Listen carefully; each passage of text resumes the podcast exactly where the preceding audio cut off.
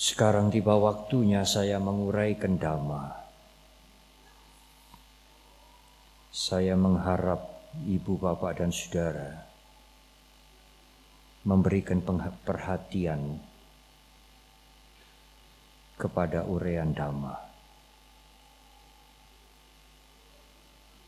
Bercakap-cakap, berbicara,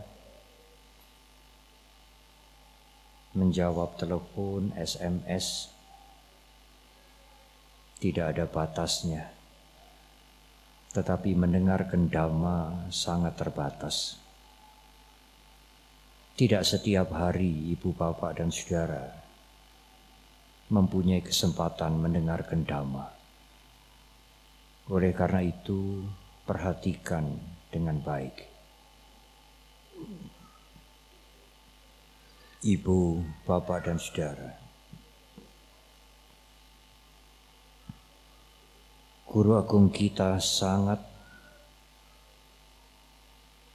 memberikan perhatian agar kita mengerti dhamma dengan baik. Mengerti dari belajar. Kita tidak selayaknya menjadi umat Buddha asal ikut menjadi umat Buddha. Tetapi cobalah belajar, belajar, belajar sampai mengerti. Pengertian itu sangat penting dalam ajaran Guru Agung kita. Delapan unsur jalan Arya, Arya Atanggika Maga, dimulai dengan pengertian benar. Tetapi saudara, hanya mengerti memang tidak cukup. Belajar dan mengerti memang penting.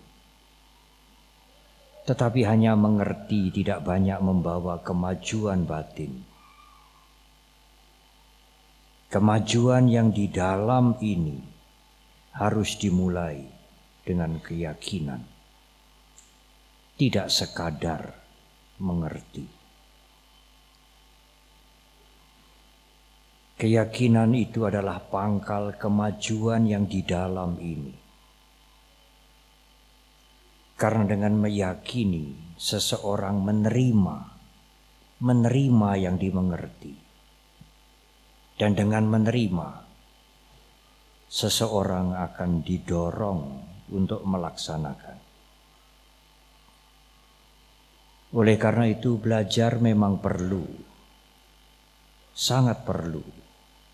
Mengerti memang sangat penting, tetapi hanya dengan mengerti tidak banyak artinya untuk kemajuan di dalam harus ada keyakinan. Yang dimengerti itu diterima. Menerima pengertian itulah dalam kalimat yang gampang. Itulah keyakinan. Sadha dalam bahasa Pali. Kalau saudara belajar mendapatkan penjelasan kemudian mengerti, mudeng. Hanya itu. Tidak ada artinya. Yang dimengerti itu harus diterima. Sikap menerima itulah keyakinan. Dan keyakinan itu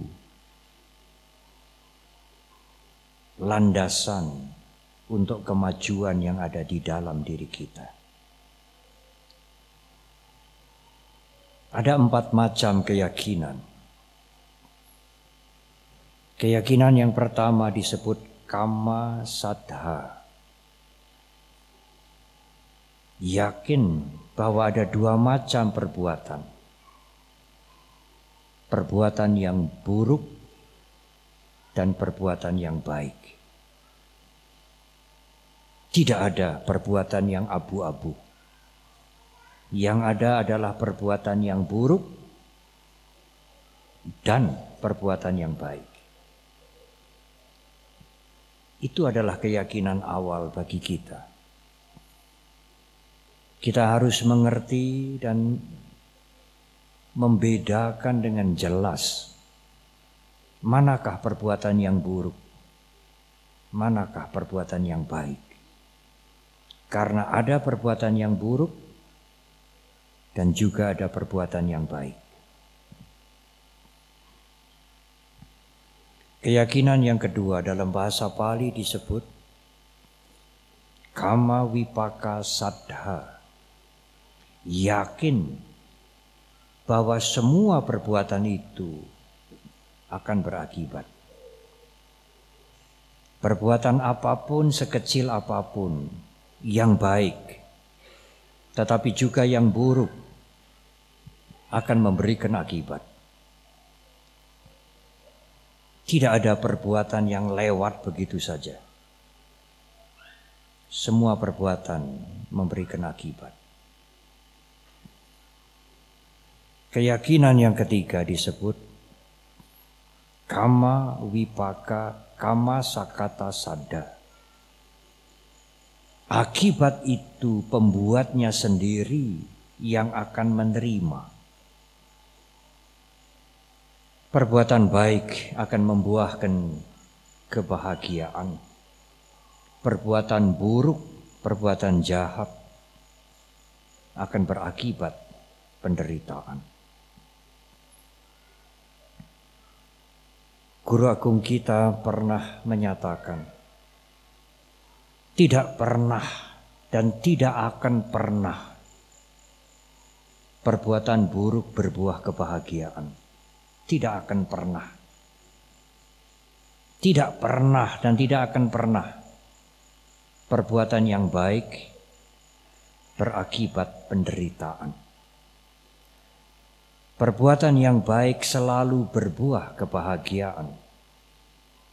Perbuatan yang buruk selalu berakibat kesengsaraan. Hukum karma tidak pernah lupa ibu bapak dan saudara. Kapan pun ibu bapak dan saudara pernah melakukan perbuatan yang buruk atau yang baik. Sekecil apa pun. Hukum karma tidak akan pernah lupa. Karma itu akan berbuah. Dan kita sendiri akan memetik hasilnya.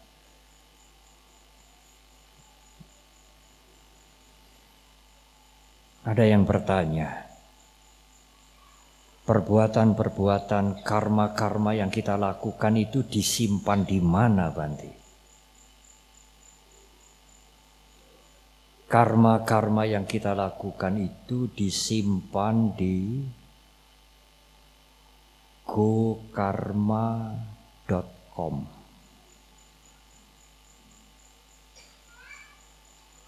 Hukum karma tidak pernah lupa dan hukum karma akan berlaku pada semuanya. Bukan hanya yang yakin pada hukum karma menerima akibat karma, bukan saudara. Semua makhluk akan menerima akibat karmanya sendiri-sendiri. Apakah dia percaya hukum karma atau menolak hukum karma tidak persoalan. Akibat karmanya sendiri akan datang pada dirinya. Hukum karma universal. Tidak hanya berlaku bagi umat Buddha, berlaku bagi semua makhluk. Apakah seseorang mengakui hukum karma ataukah menolak hukum karma? Hukum karma akan berlaku pada dirinya. Kalau seseorang memasukkan tangannya pada kobaran api, apakah dia mengerti api itu panas atau tidak? Apakah dia mau mengakui api itu panas atau tidak? Kalau dia memasukkan tangannya di tengah-tengah kobaran api, tangannya akan panas. Karena panasnya api itu adalah universal. Berlaku untuk semuanya. Keyakinan yang keempat disebut tata gata bodhisattva. Kami yakin bahwa guru agung kita Buddha Gotama mencapai pencerahan. Yang beliau ajarkan itu beliau lihat beliau sadari pada saat beliau mencapai pencerahan. Bukan hasil pemikiran semata-mata. Guru agung kita bukan filsuf.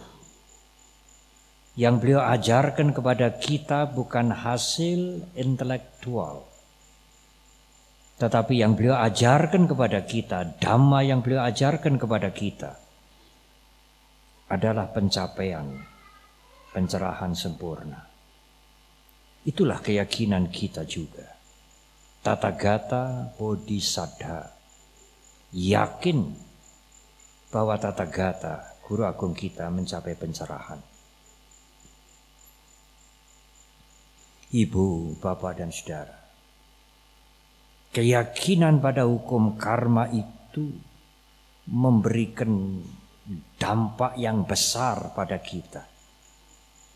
Keyakinan kita terhadap hukum karma bahwa kebaikan berbuah kebahagiaan, keburukan berakibat penderitaan itu memberikan dampak yang sangat besar pada hidup kita, yaitu mendorong kita membuat kita untuk mengendalikan diri tidak melakukan hal-hal yang buruk. Kita tidak melakukan hal-hal yang buruk bukan semata-mata diperintah oleh kitab suci. Ayat sekian, halaman sekian, nomor sekian kita mengendalikan diri tidak berbuat yang buruk karena kita sadar bahwa perbuatan yang buruk itu akan menyengsarakan kita. Kesadaran itulah, keyakinan itulah yang membuat kita untuk tidak mau berbuat yang buruk. Bukan diancam oleh orang lain, bukan diperintahkan oleh orang lain, tetapi karena kesadaran kita. Itulah sila. Mengendalikan diri, tidak melakukan perbuatan-perbuatan perilaku-perilaku yang buruk. Karena keburukan itu menghancurkan kita, menghancurkan orang lain, merugikan orang lain, juga merusak lingkungan.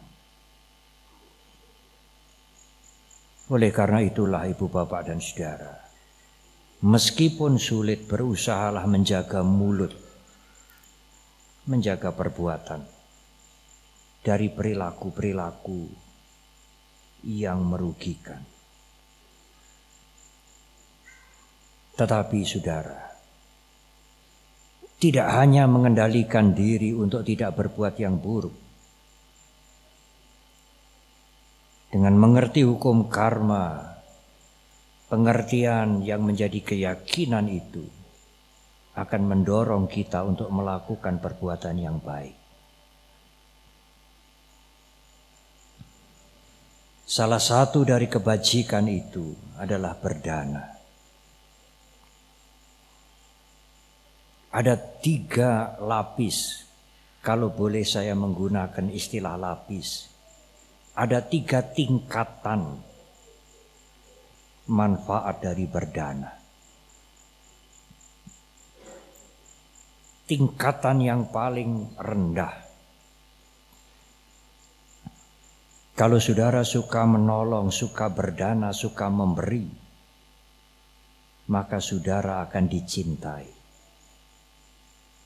Dadang hoti, orang yang memberi itu akan dicintai. Ibu, bapak, dan saudara. Kalau saudara memberi, nama saudara akan menjadi baik. saudara dikenal sebagai orang yang dermawan, orang yang baik. Dengan memberi, saudara bisa menjaga relasi sosial, hubungan baik di masyarakat. Tetapi apakah hanya itu? Apakah hanya itu tujuan kita berdana? Menjaga relasi kita, menjaga hubungan sosial, mendapatkan nama baik. Apakah hanya itu? Hanya itu kita berdana, hanya itu tujuan kita. Tidak. Ada manfaat yang lain, ayura rogya, sampati. Dengan berdana kita mempunyai badan yang sehat, usia yang panjang, hidup sejahtera, kecukupan. Tetapi itu adalah manfaat yang rendah. Ada manfaat yang lebih tinggi. Saga sampati. Orang yang suka beramal, suka menolong. Setelah kematian akan dilahirkan di alam yang tidak sengsara di alam para dewa. Kehidupan yang baik setelah kematian ini dilahirkan di alam para dewa adalah manfaat lapis kedua, tingkat yang lebih tinggi dari berdana.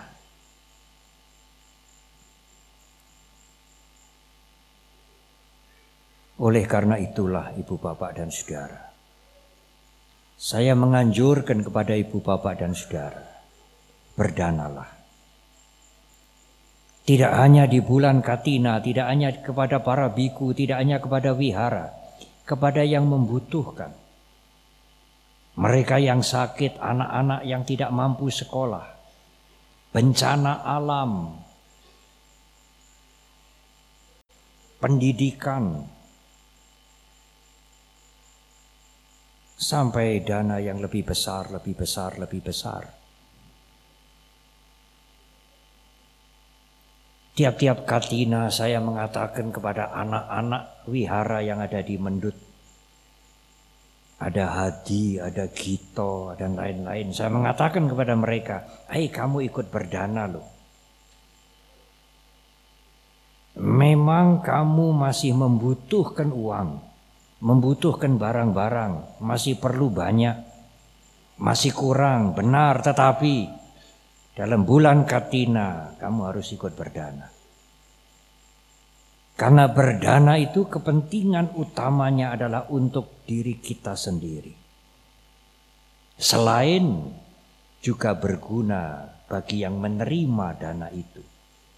Tapi kepentingan utama adalah bagi bagi kita yang memberi. Anda yang memberikan itulah yang mendapatkan manfaat.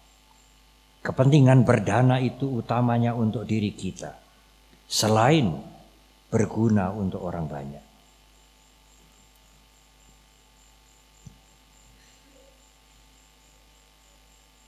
Tidak hanya membangun gedung, tidak hanya berdana kepada sangga, kepada wihara,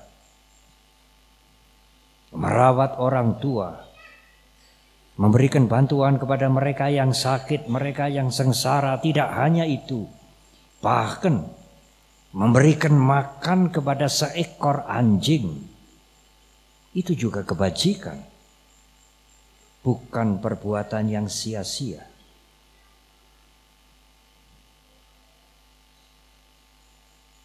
Tetapi saudara,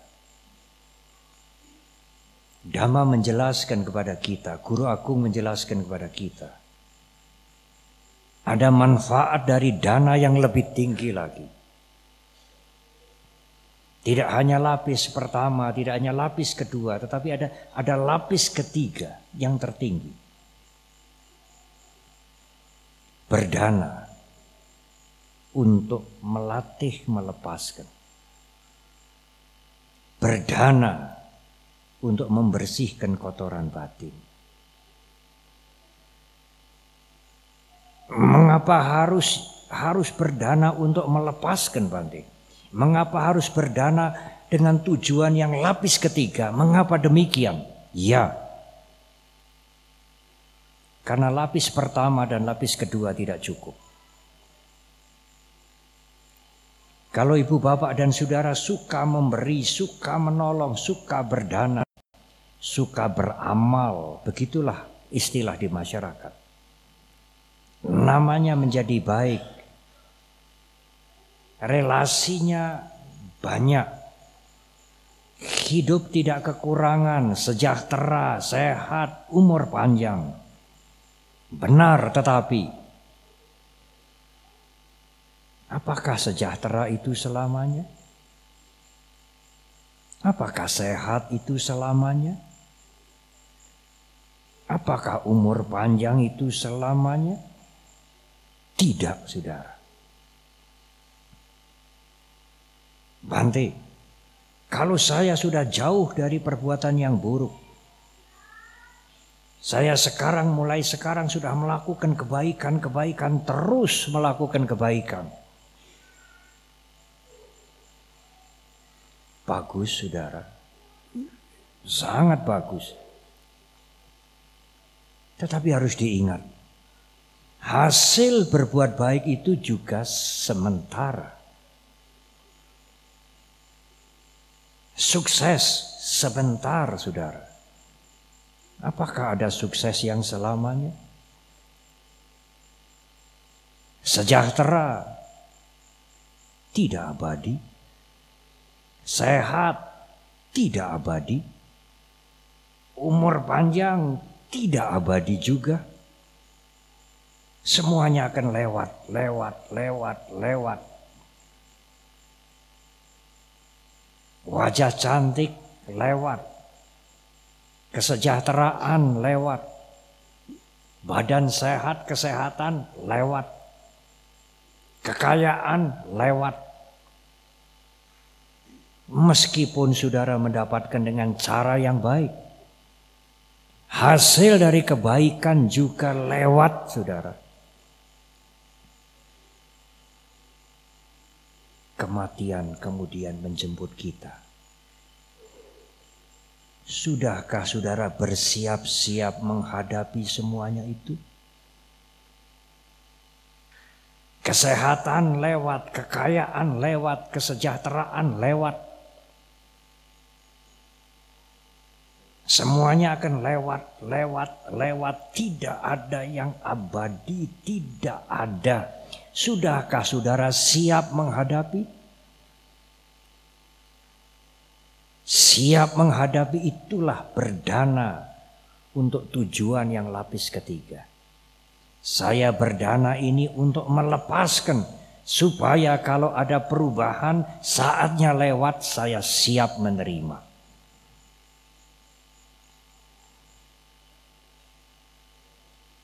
Itulah yang dikatakan jaga. Memberi untuk melepaskan. Memberi untuk mengurangi kotoran batin. Tidak semata-mata mencari nama baik, menjaga relasi, supaya hidupnya sejahtera, usahanya maju. Tidak semata-mata itu. Ada tujuan yang lebih tinggi. Kalau kita menghadapi perubahan, kita bisa menerima dengan lega hati.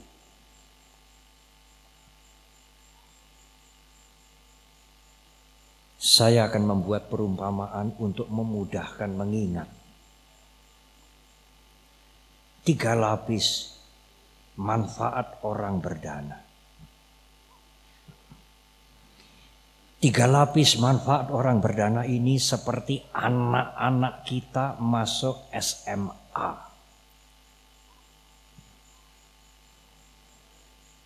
Kalau seorang anak masuk SMA, kelas satu sudah keluar dia.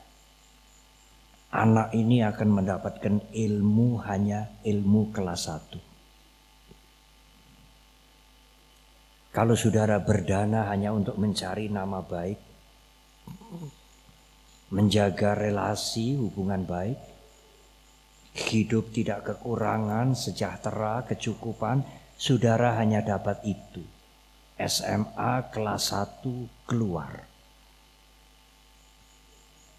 Tetapi ada anak yang masuk SMA kelas 1, kelas 2, sampai kelas 2 keluar. Dia akan mendapatkan ilmu kelas 1 dan kelas 2. Anda berdana tidak hanya mencari, tidak hanya untuk sejahtera sekarang, tidak hanya untuk sejahtera sekarang, tetapi setelah meninggal bisa dilahirkan di alam yang baik, alam dewa, alam surga. Saudara hanya mendapatkan manfaat sampai di situ saja. Lapis yang ketiga belum. Tetapi kalau anak-anak kita masuk SMA, kelas 1 lanjut, kelas 2 lanjut, kelas 3 sampai lulus, anak ini mendapatkan ilmu kelas 1, kelas 2, kelas 3. Oleh karena itu Bante kalau begitu saya ingin sampai kelas 3. Itulah tujuan tujuan belajar dhamma. Itulah tujuan praktek dana sesuai dengan dhamma. Tidak hanya tujuan kelas satu, nama baik, relasi, sejahtera, makmur, tidak hanya itu. Tetapi juga kelas dua, kehidupan yang baik setelah kematian, tetapi tidak berhenti. Ada tujuan yang lebih tinggi, bebas dari penderitaan.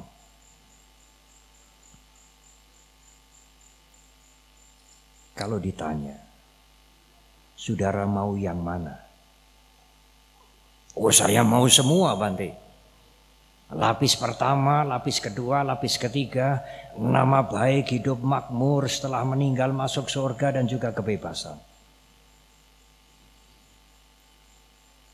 Ya, benar. Kalau seorang anak SMA ditanya, apa tujuanmu? Saya ingin masuk SMA kelas 1, kelas 2, kelas 3. Saya mengatakan tidak usah. Terlalu panjang. Sebutkan saja. Saya masuk SMA sampai lulus. Full stop. Selesai. Cukup. Karena kalau sampai lulus otomatis sudah sudah kelas 1, kelas 2, kelas 3. Anda tidak usah menyebutkan saya berdana kepingin manfaat kelas 1. Saya berdana kepingin manfaat kelas 2. Saya berdana kepingin manfaat kelas 3. Tidak usah. Terlalu panjang. Sebutkan saja saya berdana sampai kelas 3 selesai. Karena kalau sampai kelas 3, kelas 1 dan kelas 2 pasti didapatkan. Oleh karena itulah ibu bapak dan saudara. Berdanalah dengan tujuan melepaskan. Aku latihan melepaskan, aku latihan melepaskan membersihkan kotoran batin, membersihkan kotoran batin, supaya siap menghadapi semua perubahan. Itu berdana kelas tiga. Tidak usah menyebut kelas satu, kelas dua, mesti didapat. Inilah cara yang gampang untuk mengingat tujuan berdana yang tertinggi. Nibbana Sampati Imenate Samijatu Semoga Anda sekalian mendapatkan atau mencapai apa yang yang diuraikan tadi. Dengan tujuan terakhir, dengan tujuan tertinggi, kelas tiga, kebebasan dari penderitaan secara sempurna ibu, bapak, dan saudara. Tetapi ada satu hal yang tidak boleh diabaikan.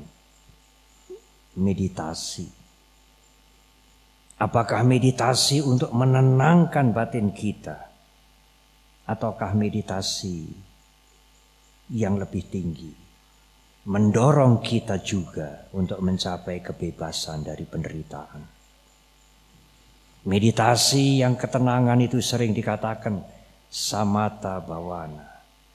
Meditasi untuk membersihkan kotoran batin kita boleh disebutkan panya bawana atau wipasana bawana. Sada mempunyai keyakinan sila menjaga diri kita dari perilaku yang buruk. Jaga berdana untuk melatih diri melepaskan. Dan panya bermeditasi untuk membersihkan batin kita. Inilah empat macam dhamma yang akan memberikan manfaat sangat panjang tidak hanya pada kehidupan sekarang, sampai kehidupan yang akan datang, sampai kita mencapai kebebasan akhir. Ibu, bapak, dan saudara, saya akan menutup uraian ini dengan ungkapan dari Dhammapada. Nak paresang wilumani, nak paresang kata-katang, atanowa awekea katani akatani jati. Nak paresang wilomani, jangan membicarakan kesalahan orang lain. Nak paresang kata-katang, jangan membicarakan orang lain sudah berbuat apa atau belum berbuat apa. Hati-hati di dunia teknologi sekarang, di dunia informasi teknologi, di internet. Orang kalau berhadapan biasanya sungkan. Kalau nulis di internet habis-habisan. Kritik sana, kritik sini, jangan mencari kesalahan orang lain, Jangan membicarakan orang lain sudah berbuat apa atau belum berbuat apa. Atanowa awekia, lihatlah dirimu sendiri. Katani akatani ja. Apa yang sudah Anda lakukan, katani akatani ja. Apa yang belum Anda lakukan. Apa yang sudah saya lakukan, apa yang belum saya lakukan. Lihatlah dirimu sendiri apa yang Anda sudah melakukan dan apa yang Anda belum melakukan. Tetapi Bante, kalau kita selalu melihat diri kita, apakah kita tidak boleh menasehati orang lain? Apakah tidak boleh kita membantu orang lain? Boleh, saudara, sangat boleh. Tetapi membantu orang lain tidak semata-mata dengan berbicara, dengan memberikan nasihat. Bantulah orang lain dengan memberikan contoh teladan. Membantu orang lain dengan memberikan keteladanan. Ibu, bapak, dan saudara, marilah kita melakukan kebajikan. Marilah kita berdana. Tidak hanya kelas 1, tidak hanya kelas 2, untuk kelas 3. Berdana dengan motivasi yang prima. Tidak usah kecil hati, oh saya hanya bisa berdana sedikit, saya hanya bisa memberikan sedikit.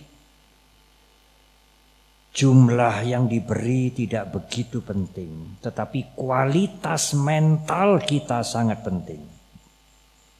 Punyailah kualitas mental yang prima, batin yang prima pada saat kita berdana. Saya berdana untuk lulus kelas 3 selesai. Kelas 1, kelas 2 tidak usah disebutkan. Karena kalau lulus kelas 3, kelas 1 dan kelas 2 pasti didapatkan. Selamat berdana, selamat merayakan Katina. Semoga semua makhluk berbahagia.